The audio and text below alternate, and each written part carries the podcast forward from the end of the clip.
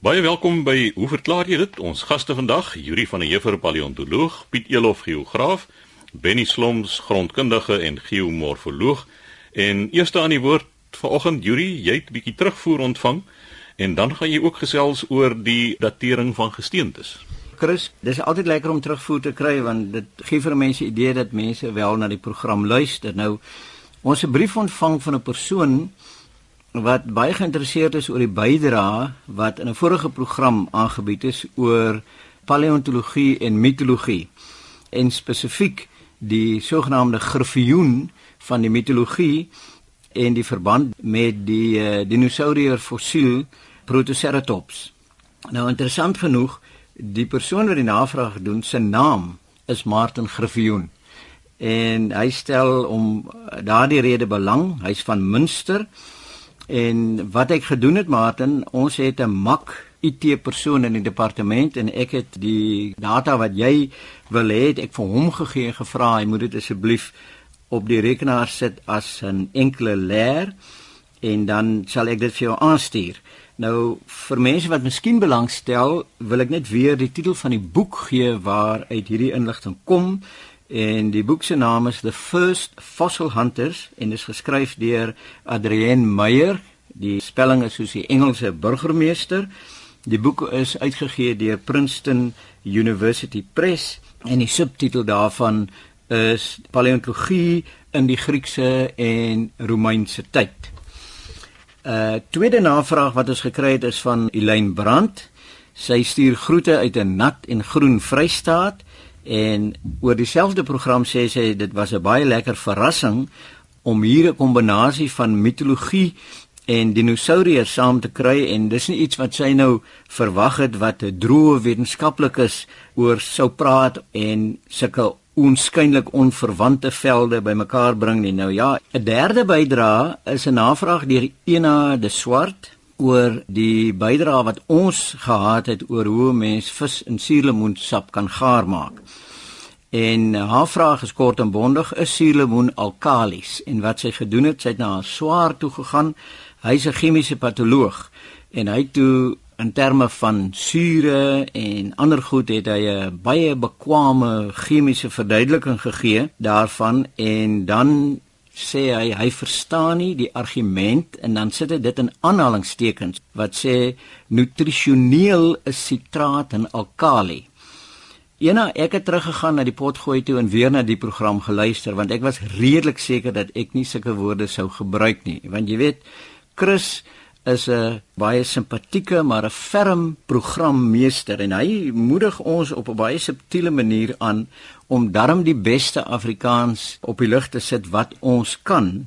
En ek het toe weer geluister na die program en ek het nie daai woorde gebruik nie. Ek het dit nie gesê nie, maar wat ons wel oor gepraat het gesê het is dat dit het gegaan oor proteïene wat denatureer. Nou proteïene of 'n proteïen is 'n molekuul met 'n spesifieke vorm want die vorm van so 'n proteïen molekuul bepaal sy funksie en die proteïen molekules word na mekaar gesit amper soos 'n ketting. Mense praat van 'n polipeptied ketting met die aminosure wat nou aan mekaar gebou word. En dan vou die ketting op. Amper soos mense nou sê net maar 'n balletjie tou sal oprol op 'n spesifieke manier. Want aan hierdie aminosure koppel daar nou koper en sink en yster om nou die nodige bestanddele te gee, dan vou die spul op mekaar op sodat die waterliewende gedeeltes van die proteïenmolekuul, met ander woorde die hidrofiele gedeeltes, die sit aan die buitekant en die waterweerende gedeeltes wat hidrofoob is, die sit aan die binnekant. En die struktuur bepaal dan hoe die proteïen gaan optree. En wanneer 'n mens nou 'n stukkie vleis op die vuur gooi, dan word die vleis gaar. Dit verander van kleur en ons sê die proteïene denatureer. So hierdie struktuur van die proteïene wat begin het met 'n primêre ketting wat dan 'n sekondêre struktuur gevorm het deur te vou en dan nog 'n tersiêre struktuur bo-op dit gekry die begin dan ontrafel, seker amper soos 'n soos 'n balletjie tou sou afrol en jy kry nou weer die oorspronklike primêre struktuur, dan is die vleis gaar en ons doen dit deur hitte. Maar daar's ander maniere om dit ook te doen. Mens kan dit doen met suur. Jy kan die vis waaroor ons gesels het in suur sit, dan denatureer die proteïene en dit lyk gaar. Jy kan dit doen met chemiese oplosmiddels soos chloroform, alkohol, kan jy dit ook mee doen wat lekker saam met die vis seker sal werk. Mens kan dit doen met stralingsenergie. So daar is verskillende maniere om proteïene te denatureer. Een daarvan is om suurlemoensap te gebruik. So daar is nie iets in die vorige program wat ek kan agterkom dat ek gesê het 'n suurlemoen is alkalies nie, maar dit mag natuurlik nou wees dat my verduideliking nou nie al die fasette gedek het nie. So suurlemoene is suur, dis nie alkalies nie en dit denatureer proteïene. Chris, dan wil ek graag aandag gee aan 'n oorspronklike vraag van Jep Jonas. Hy het so 'n drievoudige vraag ingestuur destyds en die derde deel het gegaan oor radiometriese datering en daar was nie genoeg tyd om dit te beantwoord nie. So Jep, as jy luister, hier kom dit. Radiometriese datering het jy oor gevra en jy wil graag weet hoe dit werk want jy wil weet of die resultate werklik geglo kan word want daar is mos nou nie 'n datumstempel op die rotse nie. Nou radiometriese datering of ook genoem radioaktiewe datering is 'n tegniek om die ouderdom van rotse te bepaal. En dit is gewoonlik gebaseer op die waargenome hoeveelheid van 'n radioaktiewe stof of ons praat van 'n isotoop. Jy skryf self oor isotope van die teenwoordigheid van 'n radioaktiewe isotoop wat in die rots voorkom en wat oor tyd afbreek of verval en dan omgesit word in 'n ander soort radioaktiewe isotoop. Nou die proses is al bekend sedert 1907.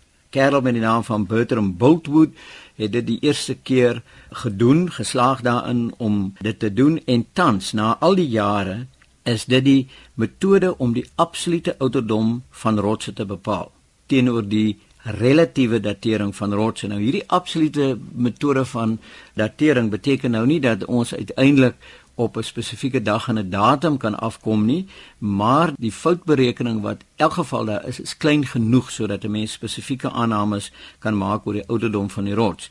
Die relatiewe metode werk natuurlik anderster want as jy nou in 'n plek sou ingaan soos die Karoo en dan het jy geweldige onverstoorde lae moddersteen en sandsteen dwars deur die hele Karoo sê nou maar van Sutherland af tot bo by Golden Gate en dan in Lesotho in.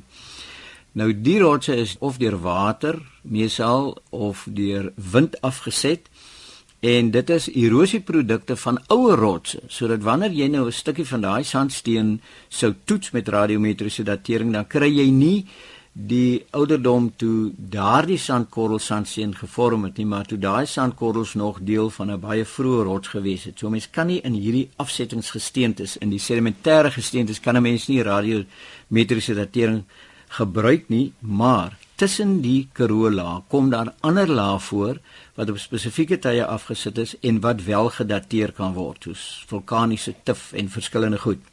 Dit kan gedateer word en wat 'n mens dan het met relatiewe datering is jy 'n spesifieke datum sê maar 200 miljoen jaar vir iewers bo in die Karoo, dan weet jy as die laag onverstoord is, die laag onder dit is ouer en die laag bokant dit is jonger, maar jy weet nie met hoeveel presies nie. So dit is relatiewe datering terwyl die radioaktiewe datering vir jou 'n baie meer presiese datum gee.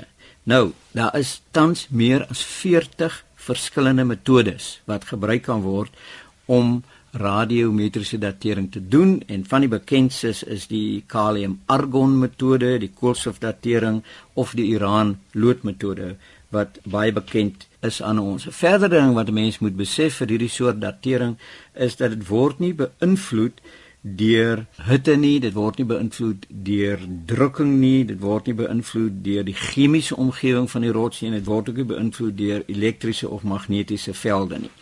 So die proses van afbreek van afval is konstant en radioaktiewe verval word dan ook gemeet in terme van die halflewe van so 'n proses en dit is 'n manier waar daar dan gekyk word hoe lank neem dit om helfte van die monster om te sit in die isotoop. en dan word dit uitgedruk as die halflewe. Nou die Iran loodmetode is al so verfyn dat die persentasie fout wat ons in sulke gevalle kan kry so min as 2 miljoen jaar is oor 'n tydperk van 2 en 'n half duisend miljoen jaar. So daarom kan ons praat dan van 'n uh, baie meer presiese datering van rots. Nou dit word ook toegepas op jonger rotse uit ander tye en daar is die persentasie fout so min soos tussen 2 en 5%. En as mense aan die isotope dink, dan kan jy sê dat ehm um, Iran 238 verander na lood 206 deur 'n reeks tussenvorms, ander isotope wat dan uiteindelik by lood 206 uitkom. En die halflewe van hierdie proses is 4.500 miljoen jaar.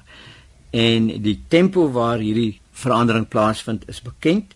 En as die wetenskaplike nou sou wou, dan kan hy daardie antwoord verfyn deur ook na al die tussenstadia te gaan kyk en dan dit ook meer presies te bepaal. So die verhouding van Iran sê 238 tot lood 206 kan dan gemeet word omdat die tempo van verandering bekend is en so kan 'n mens hierdie relatief baie akkurate uiteindelike berekeninge maak. Dus wanneer ons gesels jep van radiometriese datering, is dit nie iets wat uit die lug uit gegryp is nie. Dit het 'n besondere diepgaande wiskundige agtergrond. Dit werk oor 'n wye verskeidenheid omgewings en oral waar radiometriese datering gedoen is waar 'n mens dit kan korreleer met iets anderster, werk dit. En die verskillende metodes wat gebruik word want mense sou nou net nie een metode gebruik nie jy sou meer as een metode gebruik ondersteun die metodes mekaar. So met ander woorde wanneer radiometriese datering gedoen word is dit vir alle praktiese doeleindes 'n baie baie betroubare en 'n korrekte manier om die ouderdom van rotse uit te vind So gesels Yuri van der Heever, ons paleontoloog. En hoe verklaar jy dit? Is Benny Slomps volgende aan die woord en Benny, ons gaan bietjie daar langs die KwaZulu-Natal se kus saam met jou kuier. Ek het 'n brief ontvang van Jaco Wynmalen van Amanzimtoti en hy skryf die volgende. Hy sê ons woon in Amanzimtoti en daarom stel ek belang om te weet wanneer dit hoog en laagwater is. Toe ek nou die dag na 'n tabel van getye kyk, merk ek toe dat behalwe die gewone ritme van hoog en laagwater en spring en dooi gety wat deur die wisselwerking van gravitasiekragte van die son en maan bepaal word, 'n paar ander interessante ritmes wat hy toe optel daar. Hy sê dit het te doen met die hoogte van die see tydens hoog en laagwater. En Jaco het drie vrae wat hy wil hê ons moet antwoord. Die eerste een, hy sê hy merk op dat wanneer springgety met nuwe maan gepaard gaan, die verskil tussen hoog en laagwater groter is as met volmaan. Nou Jaco, dit is heeltemal reg en hierdie verskil tussen nuwe maan of ons praat baie keer van donker maan en volmaan se hoogte tydens hoogwater en natuurlik die laagte van die oseaan tydens laagwater het te doen met die oriëntasie van die twee planete, die posisie van die son en die maan met betrekking tot die aarde. Nou tussen nuwe maan of donker maan is die son en die maan aan die een kant van die aarde. Met ander woorde, hulle is in 'n reguit lyn, son, maan, aarde. So die gravitasiekrag na daardie kant waar die maan en die son is, is natuurlik dan op sy hoogste. Met volmaan kry jy die son aan die een kant, die aarde in die middel en volmaan aan die ander kant. So die gravitasiekragte is na weerskante. Dit is nie gekonsentreer na een kant van die aarde nie en die water word natuurlik hoër aangetrek deur die twee liggame. En Jaco het vir ons ook 'n grafiek saamgestuur wat duidelik aandui wat is die hoogteverskil tussen die springgetye volmaan en nuwe maan. So Jaco, om daai vraag te beantwoord, dit is net die posisie van die aarde ten opsigte van die maan en die son wat daai verskil vir jou gee. Nou die tweede vraag is baie meer interessant. Hy skryf hier: "Tweedens is daar 'n tendens dat die seevlak snags oor die algemeen laer is as bedags." En dit het hy ook gestaaf met 'n grafiek wat hy gekry het. Hy sê hier kan 'n mens duidelik sien dat seevlak oor die algemeen hoër is van sonop tot net voor sononder. Nou Jaco, ek moet duidelik erken, jy het my skoongebul met hierdie vraag. Ek wil dit net eers stel dat die see se volume, die oseaan se volume verander nie. Dit is net die getye wat maak dat hy styg of daal, soos wat jy reg aangedui het deur die gravitasiekragte. Maar om hierdie ding dat die seevlak oor die algemeen laer is tydens die nag, as die dag het my in die ding gesit. Nou daar's net een ding wat seevlak behalwe gravitasiekragte ook kan beïnvloed en dit is windrigting. As jy sterk aanlandige wind het wat oor die see oppervlak waai, dan kry jy mens dat die water gedryf word na die land en jy kan 'n hoër waterstand kry in die oseaan. Dit is 'n verskynsel wat mens dikwels sien wat gepaard gaan met orkane, dat boonbehalwe die laagdrukstelsel in die orkaan self wat vir jou heffing gee van die seevlak in daardie omgewing, is dit ook hierdie sterk winde wat die branders dryf, wat die water instoot op die laagliggende gebiede soos ons gesien het met die orkane daar in die noordelike halfrond en dit is eintlik hierdie baie hoër seevlak wat die grootste skade veroorsaak het teen die kus wanneer die seewater instroom. Nou kom ons gaan terug na Amanzimtoti waar jy woon. Nou watse winde praat ons hier van wat dalk die rede kan wees dat die seevlak laer is in die nag as gedurende die dag. En daar's net een verskynsel wat ek kan dink. Ek gee dit nie as 'n verklaring vir hierdie verskynsel, maar ons kry tog die volgende verskynsel. Dat gedurende die nag kry ons dat die land vinniger afkoel as die see. As die son nog gesak het, die land koel vinniger af as die see. So, ons het koue lug oor die land, 'n hoë druk en ons kry aflandige wind wat waai. Ons praat van 'n landbries. Gedurende die dag verhit die land weer vinniger as die seeoppervlakte.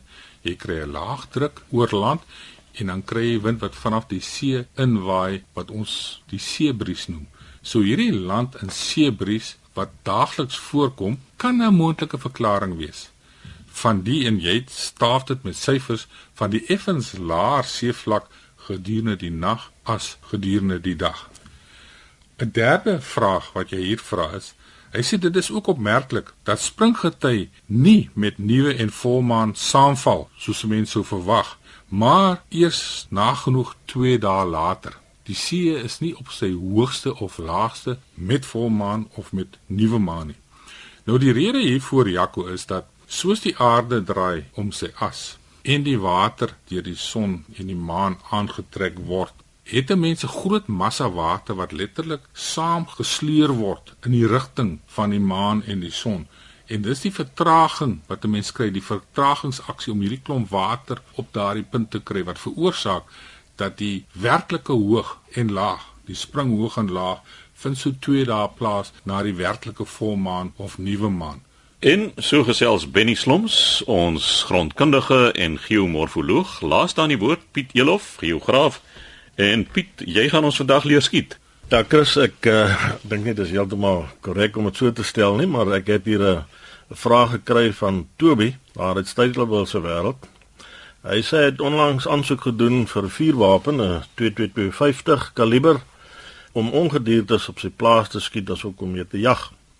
En hy sê sy keuse van hierdie kaliber is omdat dit 'n geweer is wat redelike plat traject skiet en dis ook redelike afstande onder gunstige omstandighede baie akkuraat is. En sy besluit oor 'n kaliber het hy met ouer en meer ervare skuts gepraat en so inligting en raad probeer kry. En een van die manne met wie hy gesels het, het hom ingelig oor die fyn kunsies van akkuraat skiet, veral oor lang afstande. Hy sê die oom het gesê daar is baie faktore om in ag te neem en die oom is 'n persoon wat geniet om oor lang afstande te skiet. En derhalwe sy toerusting en kennis daarop rig. Toe by sy onthou die oom het gesê as hy noord skiet, moet hy effens regs mik en as hy suid skiet, moet hy ook 'n aanpassing maak. Hy vra is dit swaartekrag wat hierdie aanpassings veroorsaak? Nou Toby, ek vermoed dat die oom met wie jy gepraat het, een van die manne is wat van skiettafels af skiet. Die Engels daarvoor is bench rest. Ouens en hulle is spesialiste en hulle skiet inderdaad baie baie akkuraat oor afstande van 600, 700, 800 meter selfs 1000 meter, kilometer waar hulle baie klein groeperings skiet. Maar dis manne wat hulle vuurwapens ken, hulle het hulle eie ammunisie herlei. Met ander woorde, hulle ken hulle ladings, hulle ken die trajecte van daardie punte wat hulle lei. Dit is 'n baie baie spesiale soort skit daardie en daar's manne van ons wat uitstekend vaar by wêreldkompetisies in hierdie verband. Daar is natuurlik 'n hele klomp faktore om in ag te neem. As 'n mens skiet, dis wind, dis temperatuur, dis lugdruk en dan nou hierdie krag wat jy van praat. Natuurlik speel swaartekrag ook 'n rol want uiteindelik gaan daardie koelpunt val hy gaan nie net in die lug en die ruimte ingaan nie, dit is deel wat swaartekrag dan doen, trek hom af grond. Maar die krag wat hier ter sprake is, is waarskynlik die Coriolis effek wat ons ook by weerstelsels en winde en windrigtinge het. Ons het al by vorige programme daaroor gesels. Nou om dit te illustreer, dink ek is die eenvoudigste dat jy 'n ronde aardbol teken. Trek 'n lyn deur die middel van wes na oos en merk die middelpunt merk hom met 'n kolletjie daar. En so 2 cm onderkant dit doen jy presies dieselfde. Trek 'n reguit lyn parallel aan die vorige ene en in die middel van daardie lyn maak jy weer 'n kolletjie en jy kan selfs 'n derde een trek. Nou ek het so sketsie gemaak en gesê die eerste een wat deur die middelpunt gaan is die ewenaar. En 2 cm laer af het ek gesê dit is 34 grade suid en die derde ene is 60 grade suid. Nou met die skets geteken, wil ek jou net eers terugvat na die feit en miskien net interessantheidshalwe noem dat die die aarde om die son wentel. Die aarde wentel om die son en sy baan om die son teen 113000 km per uur. Gaan wonder mense hare waai de mekaar van die wind nie. maar as jy mens nou in gedagte hou die drie kolletjies wat jy gemaak het, die eerste een op die ewenaar. Daai kolletjie gaan 24 uur neem om weer op dieselfde plek te kom. Dan het hy oor die 40000 km afgelê, ongeveer 40075 km afgelê. Die kolletjie op die tweede lyn gaan binne 24 uur beslis nie dieselfde afstand aflê nie. Hy gaan maar iets so 33258 km aflê in 24 uur. En die een op die derde lyn Die gaan maar 20089 km aflei in 24 uur. Dan is dit mos nou logies dat die een op die ewenaar 'n baie hoër snelheid het, hoër beweging, ongeveer 1700 km per uur om daai afstand binne 24 uur af te lê. Die tweede lyn gaan die afstand korter wees, maar dit ook 24 uur om dit te voltooi. Daardie kolletjie sal beweeg teen ongeveer 1385 km per uur. En, nou ja, dis min of meer 34 grade suid, dis waar Kaapstad geleë is.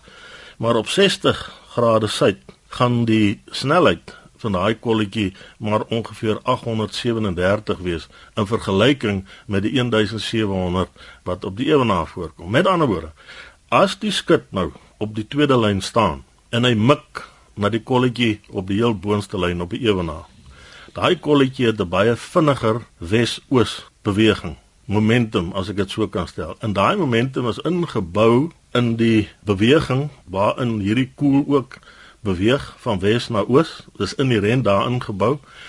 Met ander woorde, as jy mik na daai kolletjie reg noord van jou oor 'n lang afstand, daai kolletjie gaan vinniger reg beweeg van wes na oos as wat jy van wes na oos beweeg. Jy en jou geweer en jou koel wat trek. Met ander woorde, jy sal moet 'n aanpassing maak en effens regs mik waar jy aanvanklik gedink het jy kan net loodreg op hom af. Byl gaan jy effens 'n aanpassing moet maak. Nou ek sê effens, dan is inderdaad dit hang af van die afstand waaroor jy skiet. As dit korter afstande is, gaan dit nie so groot effek hê nie. Maar hierdie manne wat kompetisie skiet, jy weet is 'n uh, 2 mm, 3 mm bepaal of jy 'n kompetisie wen of verloor. Natuurlik is dit ook so dat hoe verder jy natuurlik weg is van die ewenaar, hoe groter is hierdie effek. By die ewenaar self is die Coriolis effek nul. So dit bepaal ook hoeveel aanpassing jy moet maak. Maar ons gewone ouens wat maar in die veld jag, dink ek het nie die probleem om so fyn te skiet nie. Jy het dan gewoonlik 'n redelike groot teiken en dan hopelik skiet die manne nie oor te groot af en lange afstande nie. Ek weet, die manne skryf en sê hulle skiet bokke in die kop op 400, 500 meter van hulle af. Ek het dit al gesien gebeur, maar dan is dit een van die manne wat op 'n skietstoel sit met 'n baie baie goeie geweer wat hy self laat bou het met 'n dik loop, baie akkuraat en hy skiet besonder fyn en dit Suid-Afrika verteenwoordig op wêreldkompetisies. Ek weet daar is sulke manne, maar die wat hom op 800 meter in die hardloop in die kop skiet. Ek weet nie of dit dwergies is wat hulle dwergtreetjies gee nie, maar toe nee. Ek dink nie vir die doel waarvoor jy jou vuurwapen wil gebruik, het jy werklik nodig om bekommerd te wees oor hierdie krag, swaartekrag of Coriolis effek of dit nie. Natuurlik met die kaliber waarmee jy wil skiet sal jy verseker moet wind in ag neem windsterkte ensovoorts maar dis met enige ligte kaliber moet die moet die skut maar daai aanpassing doen. So toe ja ek hoop dit help en dat jy nie wakker te lê in die nag oor al hierdie kragte waaroor jy nie noodwendig sekerheid het nie. En so sê Piet Elof ons geograaf en ook befaamde skut daarmee het ons ook aan die einde gekom van vandag se hoe verklaar jy dit? U's welkom om te skryf aan ons by hoe verklaar jy dit? Posbus 2551 Kaapstad 8000 of stuur 'n e-pos aan chris@rsg.co.za.